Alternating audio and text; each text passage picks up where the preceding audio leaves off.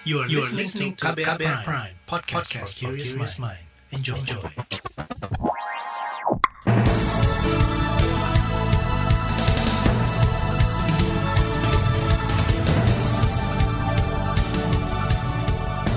Selamat pagi saudara, senang sekali kami bisa menjumpai Anda kembali melalui program Buletin Pagi edisi Rabu 2 Juni 2021.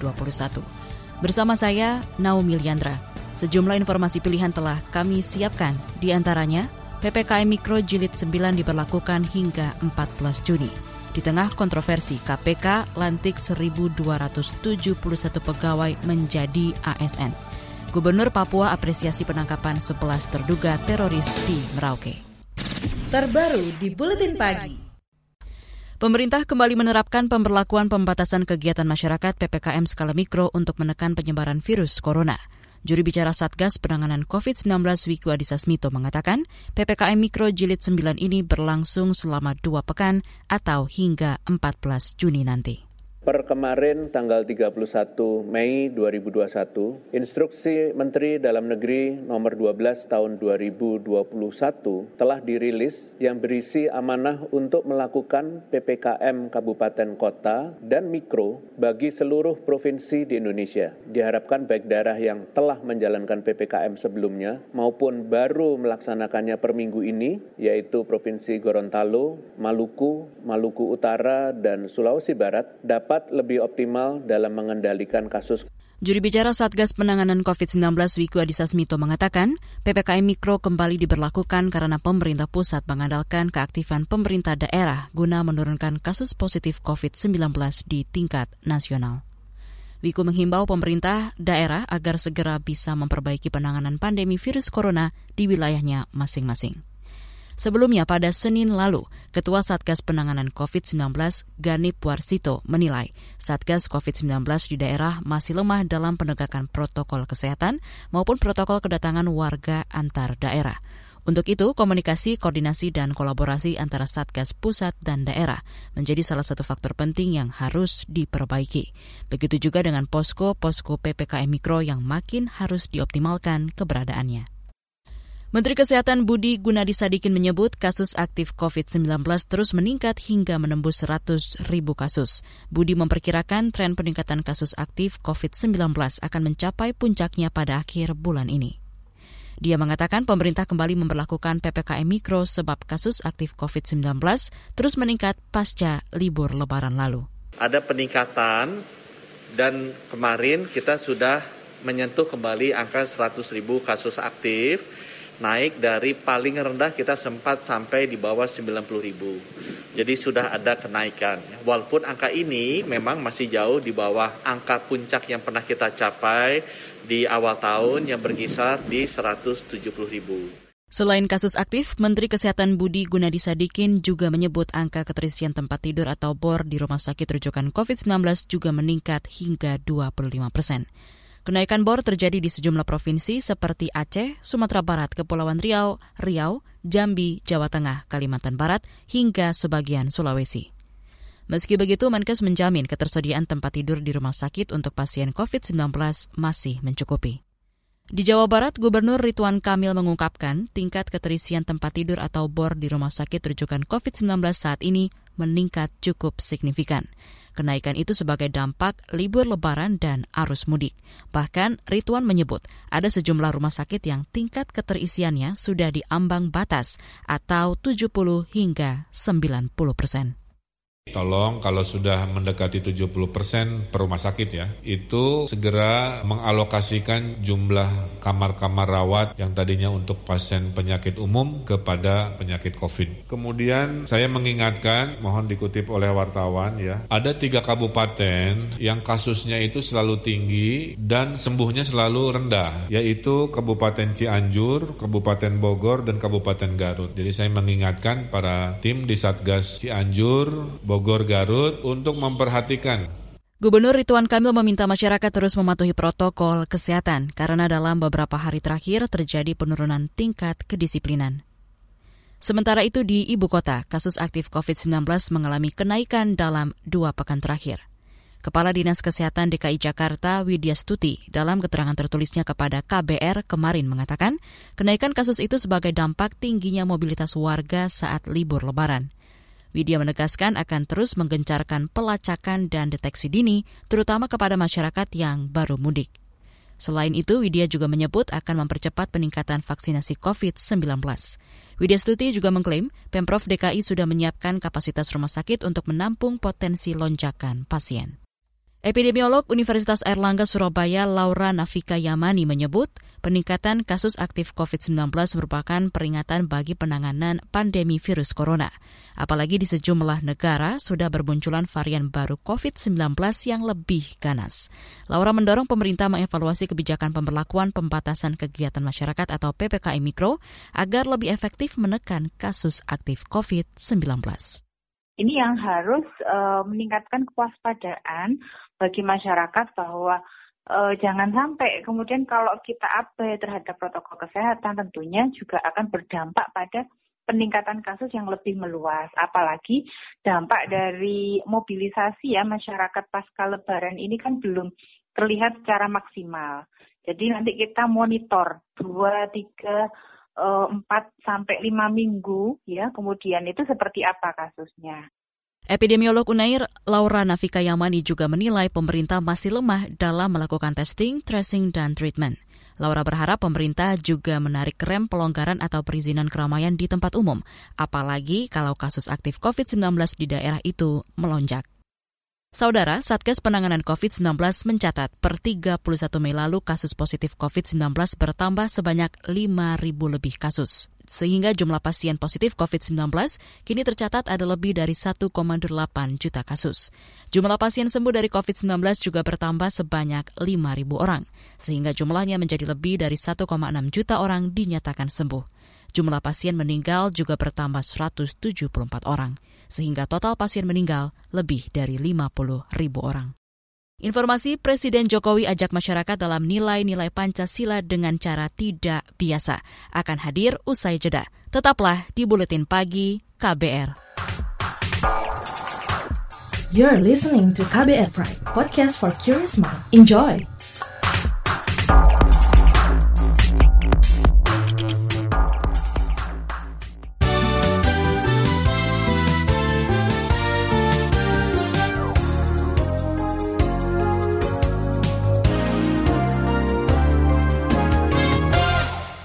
Anda sedang mendengarkan buletin pagi KBR. Komisi Pemberantasan Korupsi KPK resmi melantik dan mengambil sumpah jabatan 1.271 pegawai yang lulus tes wawasan kebangsaan menjadi ASN. Ketua KPK Firly Bahuri mengatakan pelantikan itu dihadiri semua peserta baik secara daring maupun luring. Ada tiga pegawai yang gagal dilantik karena alasan mengundurkan diri, tidak memenuhi syarat pendidikan, dan meninggal dunia. Bagaimana yang 75 tentu menjadi PR kami bersama. Tadi ada yang bertanyakan tentang bagaimana dengan yang 24. Diklatnya bagaimana? Kami sudah bekerja dan hasil sesuai dengan hasil rapat tanggal 25 Mei 2021 di BKN, kita bahas bagaimana solusi terbaik bagi mereka. Ketua KPK Firly Bahuri menambahkan pihaknya akan memastikan kebersediaan 24 dari 75 pegawai KPK yang belum memenuhi syarat menjadi ASN untuk dilakukan pembinaan. Firly mengingatkan tidak ada upaya menyingkirkan para pegawai yang tidak dilantik. Menurutnya, alih status pegawai KPK menjadi ASN merupakan amanat Undang-Undang KPK baru. Saat jumpa pers di KPK kemarin sore, Firly enggan menanggapi dugaan masalah tes wawasan kebangsaan yang dilaporkan Novel Baswedan dan kawan-kawan ke Ombudsman RI, Komnas HAM, dan Dewan Pengawas KPK. Presiden Joko Widodo menyatakan globalisasi dan interaksi antar belahan dunia menjadi tantangan Pancasila saat ini. Globalisasi dan interaksi tersebut tidak serta-merta meningkatkan kesamaan pandangan dan kebersamaan. Justru ideologi trans, transnasional radikal akan mudah masuk ke berbagai lini kehidupan masyarakat. Menurut Presiden, hal itu menjadi tantangan yang sulit. Yang harus kita waspadai adalah meningkatnya rivalitas dan kompetisi, termasuk rivalitas antar pandangan, rivalitas antar nilai-nilai, dan rivalitas antar ideologi. Ideologi transnasional cenderung semakin meningkat memasuki berbagai lini kehidupan masyarakat dengan berbagai cara dan berbagai strategi. Presiden Joko Widodo juga mengajak masyarakat untuk mendalami nilai-nilai Pancasila dengan cara tidak biasa. Artinya diperlukan cara-cara baru yang luar biasa dengan memanfaatkan perkembangan ilmu pengetahuan dan teknologi, utamanya revolusi industri 4.0. Selain itu, menurut Jokowi, Pancasila harus menjadi fondasi dalam mengembangkan ilmu pengetahuan dan teknologi yang berkeindonesiaan. Polri akan memeriksa lima vendor di BPJS Kesehatan terkait dugaan kebocoran data penduduk. Juri bicara Mabes Polri Argo Yuwono mengatakan surat panggilan sudah dilayangkan sejak Senin lalu. Rencananya hari ini penyidik akan memeriksa Direktur Utama vendor yang ada di Ditjen Administrasi Hukum Umum atau AHU. Dan kemudian juga nantinya kita akan memeriksa vendor yang melakukan kegiatan di BPJS. Siapa vendor-vendor tersebut, ya kita sudah minta vendor tersebut. Nanti kan kita mintai keterangan ya vendor tersebut. Misalnya vendor itu satu orang ya kita periksa. Vendornya dua orang kita periksa. Vendor tiga orang kita periksa Juri bicara Mabes Polri Argo Yuwono menambahkan sejauh ini penyidik telah memeriksa empat saksi terkait dugaan kebocoran data penduduk, dua dari BPJS Kesehatan dan dua lainnya dari Badan Cyber dan Sandi Negara atau BSSN. Sebelumnya, juri bicara Kementerian Kominfo Dedi Permadi membenarkan adanya dugaan kebocoran data. Jumlah data penduduk milik BPJS Kesehatan yang bocor itu hanya sekitar 100 ribuan data saja. Data tersebut diduga dijual di forum peretas Red Forums dan diperjualbelikan oleh akun bernama COTS. Pembentukan Satgas Percepatan Investasi diklaim bisa menyelesaikan masalah yang menghambat investasi di lapangan. Menteri Investasi Bahlil Lahadalia juga menjamin keberadaan Satgas ini tidak akan mempersulit proses dan birokrasi investasi di dalam negeri. Ada masalah tanah, apa tugas Kementerian Investasi itu? Kan nggak bisa. Dengan Satgas, contoh-contoh Trian mau investasi di Papua. Kemudian Trian udah beli tanah. Ternyata Pak Trian membangun pabrik, dihadang tuh sama masyarakat atau sama kelompok lain. Apa regulasi yang dipakai oleh Kementerian Investasi? Kan nggak punya hak Kementerian Investasi Trian. Maka Satgaslah turun. Karena Satgas itu kombinasi antara Kementerian Teknis, Pemda juga sama pelaku usaha. Menteri Investasi Bahlil Lahadalia optimistis Satgas Percepatan Investasi akan mempercepat penerapan kebijakan investasi. Apalagi Satgas itu juga bertindak sebagai perpanjangan tangan Kementerian Investasi di lapangan. Bahlil berharap keberadaan Satgas Percepatan Investasi juga bisa mempercepat pencapaian realisi investasi dan berdampak pada pemenuhan target pertumbuhan ekonomi nasional di atas 5 persen. Target pertumbuhan ekonomi tersebut bisa tercapai kalau realisasi investasi di tahun ini mencapai 900 triliun rupiah. Kita ke mancanegara. Suasana sejumlah jalan raya dan pusat aktivitas perdagangan di Kuala Lumpur nampak sepi pada hari pertama total lockdown atau penerapan pembatasan pergerakan penuh kemarin.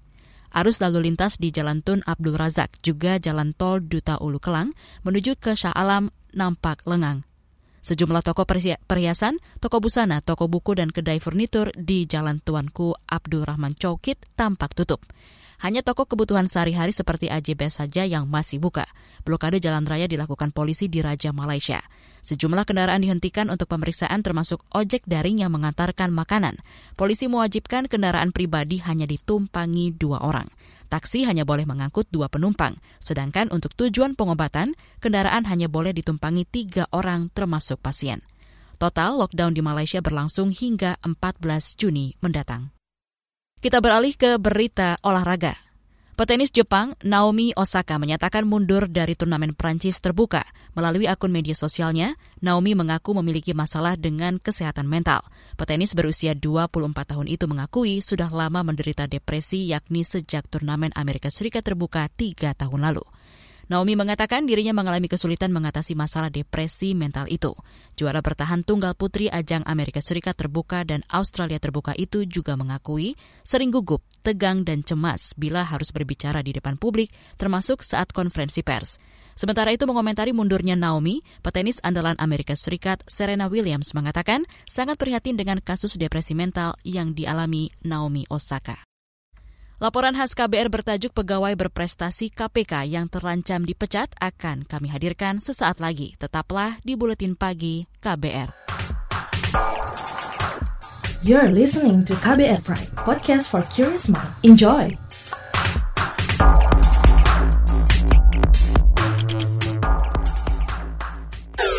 Commercial break.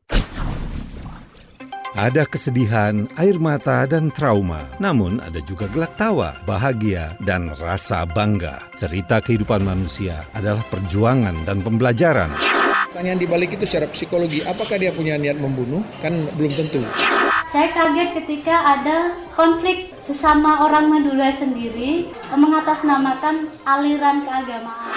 Sejak itu, warga Syiah harus mengungsi sampai sekarang. Untuk kehidupan saya pada waktu itu aja nggak menentu kan. Boro-boro mikirin untuk perpustakaan gitu.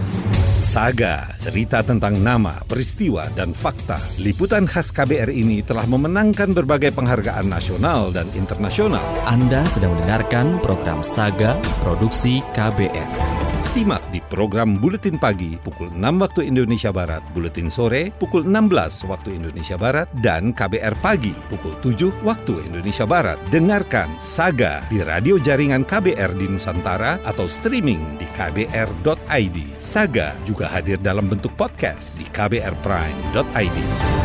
KBR Inspiratif Terpercaya.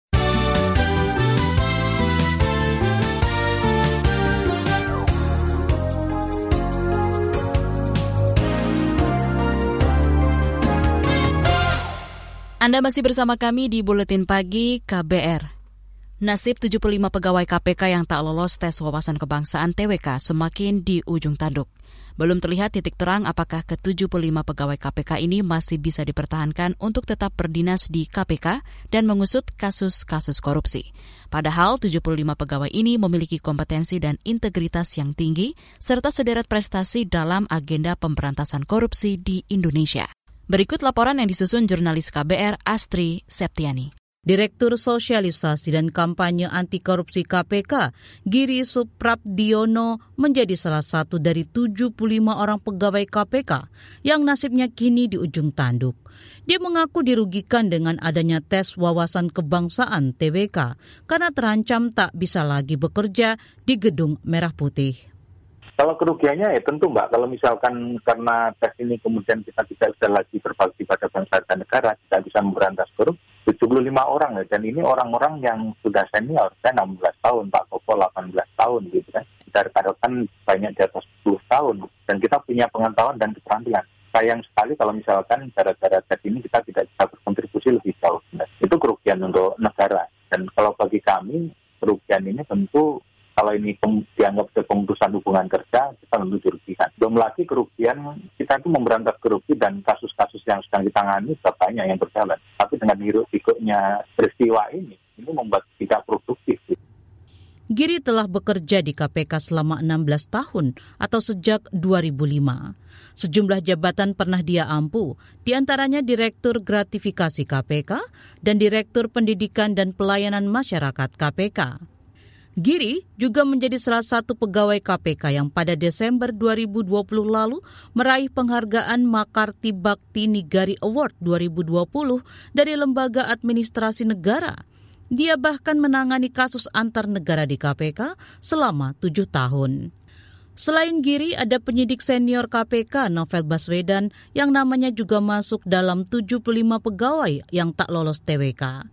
Novel menyatakan proses TWK tidak jelas dan bermasalah. Keputusan terhadap 75 orang pegawai KPK termasuk dirinya juga dianggap keterlaluan. Novel merupakan penyidik KPK yang berhasil membongkar sejumlah kasus kontroversial, seperti kasus korupsi Wisma Atlet di Hambalang yang melibatkan mantan bendahara umum Partai Demokrat Muhammad Nazarudin di tahun 2011 Kemudian kasus korupsi Wisma Atlet terkait SEA Games 2011. Novel bahkan menjadi korban penyiraman air keras yang diduga terjadi karena menyangkut kasus yang ditanganinya di KPK. Ke di, di stigma seolah-olah tidak berwawasan kebangsaan, tidak Pancasilais dan lain-lain. Padahal kami sudah sering mengikuti tes-tes serupa, kami sudah menunjukkan eh, Dharma Bakti yang yang sebaik-baiknya dalam pelaksanaan tugas, terus dibuat seolah-olah kami adalah orang yang bermasalah, bahkan beberapa dikatakan tidak bisa dibina lagi, itu kan sangat buruk sekali. Sementara penyelidik KPK Harun Al-Rashid yang namanya juga masuk di 75 orang pegawai yang tak lolos TWK mengaku menjadi pegawai paling diwaspadai oleh pimpinan KPK karena dinilai berbahaya. Pak Nawawi juga bilang, Mas Harun itu ada di urutan pertama. Lah saya ini, saya siapa? Saya bilang gitu kok. Kemudian saya ini menjadi orang yang paling berbahaya di situ. Menurut Harun, Ketua KPK Firly Bahuri yang pada 2018 menjabat Deputi Penindakan KPK itu menjuluki dirinya sebagai Raja OTT karena banyak membongkar kasus besar korupsi melalui operasi tangkap tangan KPK. Sementara Direktur Pembinaan Jaringan Kerja antar komisi dan instansi KPK, Suyanarko membuka opsi perang terbuka dengan Kepala Badan Kepegawaian Negara atau BKN Bima Harya Wibisana. Suyanarko juga masuk dalam 75 pegawai KPK yang tidak memenuhi syarat tes wawasan kebangsaan. Opsi perang terbuka yang dilontarkan Suyanarko karena ia menganggap BKN menyalahi sederet prosedur dalam melaksanakan tes peralihan status pegawai KPK menjadi ASN. Kesalahan prosedural itu mencerminkan sikap BKN yang abai terhadap profesionalitas. Saya tahu tes saya itu juga asesor, asesor nasional. Lah di assessment center itu ada enam elemen tes yang wajib dilakukan dan itu diatur di peraturan KPK dengan dilakukan oleh assessment center dengan enam elemen tadi tingkat reliability dan tingkat validitas hasilnya itu maksimal 65%. Kalau itu pakai 6 komponen tadi, 6 jenis tes. Hari ini tes TWK itu hanya dilakukan dengan tiga metode tertulis, uh, eh, IC, wawancara. Ia menyebut validasi tiga jenis tes yang digunakan BKN saat TWK itu rendah dan ia menyangsikan hasil tes tersebut. Demikian laporan yang disusun Astri Septiani. Saya Fitri Anggreni. Informasi dari daerah akan hadir usai jeda. Tetaplah bersama Buletin Pagi KBR.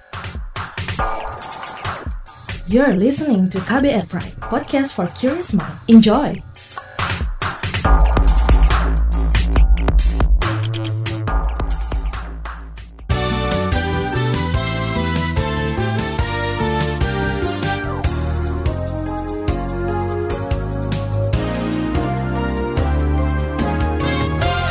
Inilah bagian akhir buletin pagi KBR. Penangkapan 11 terduga teroris di Kabupaten Merauke mendapat apresiasi pemerintah Provinsi Papua. Juri bicara Gubernur Papua Muhammad Rifai Darus mengatakan, Gubernur Papua Lukas NMB juga meminta tim Densus 88 anti teror Polri mengintensifkan pemetaan dan pengembangan secara lebih luas di Papua. Tujuannya untuk menyisir daerah transit dan tempat tinggal para terduga teroris, sekaligus memetakan pula daerah-daerah yang akan jadi sasaran serangan kelompok teroris. Lukas juga meminta instansi terkait merehabilitasi dan membina keluarga teroris yang ditangkap. Sementara itu Kapolda Papua Matius D. Fahiri dalam keterangan persnya di Jayapura kemarin mengungkapkan 11 terduga teroris yang ditangkap di Merauke telah menyiapkan aksi bom bunuh diri. Dua dari 11 terduga teroris sudah ada yang disiapkan untuk menjadi pengantin atau pelaku bom bunuh diri. Para terduga teroris juga aktif melakukan bayat atau perekrutan di sejumlah distrik.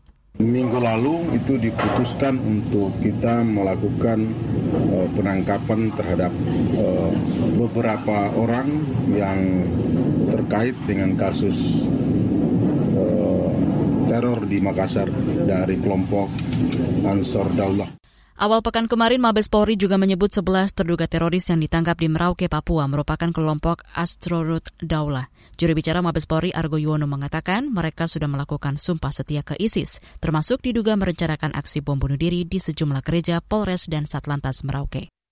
Baitul Mal Aceh sedang membahas naskah akademik sebagai landasan rancangan peraturan pemerintah tentang zakat pengurangan pajak. Ketua Badan Baitul Mal Aceh, Nazarudin Awahid, menargetkan tahun depan warga Aceh tidak lagi harus membayar zakat dan pajak secara terpisah, tapi hanya sekali bayar dengan dikurangi jumlah pajak. Rencananya naskah akademik RPP tentang zakat pengurangan pajak akan disampaikan ke Kementerian Dalam Negeri pada 7 Juni nanti. Kalau ada pendapat, apa, pendapatan kita barangkali 100 ribu, kita bayar zakat eh, 2 ribu setengah, kita bayar pajak 15 ribu. Jadi kita bayar 17 ribu. Ya. Ke depan, kalau kita ada pendapatan 100 ribu, maka kita bayar pajak dan kita bayar zakat 15 ribu. Itu di situ sudah ada zakat 12 2 ribu setengah dan sudah ada pajak 12 ribu setengah. Ketua Badan Baitul Mal Aceh Nazarudin Awahid menambahkan saat ini potensi zakat di Aceh mencapai 580 miliar rupiah per tahun. Dari jumlah itu pemerintah baru bisa mengumpulkan zakat 280 miliar rupiah per tahun. Nazarudin berharap dengan diterapkannya peraturan pemerintah tentang zakat pengurangan pajak, potensi zakat di Aceh bisa ditingkatkan hingga 4 triliun rupiah per tahun. Zakat yang terkumpul bisa jadi pendapatan asli daerah untuk mengentaskan kemiskinan dan beasiswa pendidikan di Aceh. Kementerian Agama menargetkan untuk merevitalisasi 100 kantor urusan agama KUA pada tahun ini. Menteri Agama Yakut Holil Kaumas menjelaskan revitalisasi KUA berfokus pada tiga hal, yaitu perbaikan infrastruktur, perluasan cakupan layanan, dan peningkatan kuantitas serta kualitas sumber daya manusia. Insya Allah pada tahun 2021 ini akan diterapkan program revitalisasi, revitalisasi KUA pada 100 KUA di seluruh Indonesia. Sementara enam di antara KUA program revitalisasi ini akan dijadikan contoh atau sebagai KUA model. Keenam KUA tersebut adalah KUA Kecamatan Ciawi Gebang, KUA Kecamatan Banjarnegara, KUA Kecamatan Sewon, KUA Kecamatan Sidoarjo, KUA Kecamatan Gunung Sugih, dan KUA Kecamatan Biringkanaya. Menteri Agama Yakut Holil Kaumas juga menjelaskan sedang mengupayakan peningkatan status lahan KUA karena hingga kini ada lebih dari 2.600 KUA se-Indonesia yang berdiri bukan di atas lahan milik Kementerian Agama. Informasi tadi menutup jumpa kita di Buletin Pagi hari ini. Pantau juga informasi terbaru melalui kabar baru, situs kbr.id, Twitter kami di akun @beritaKBR, serta podcast di alamat kbrprime.id. Akhirnya saya Naomi Liandra bersama tim yang bertugas undur diri. Salam.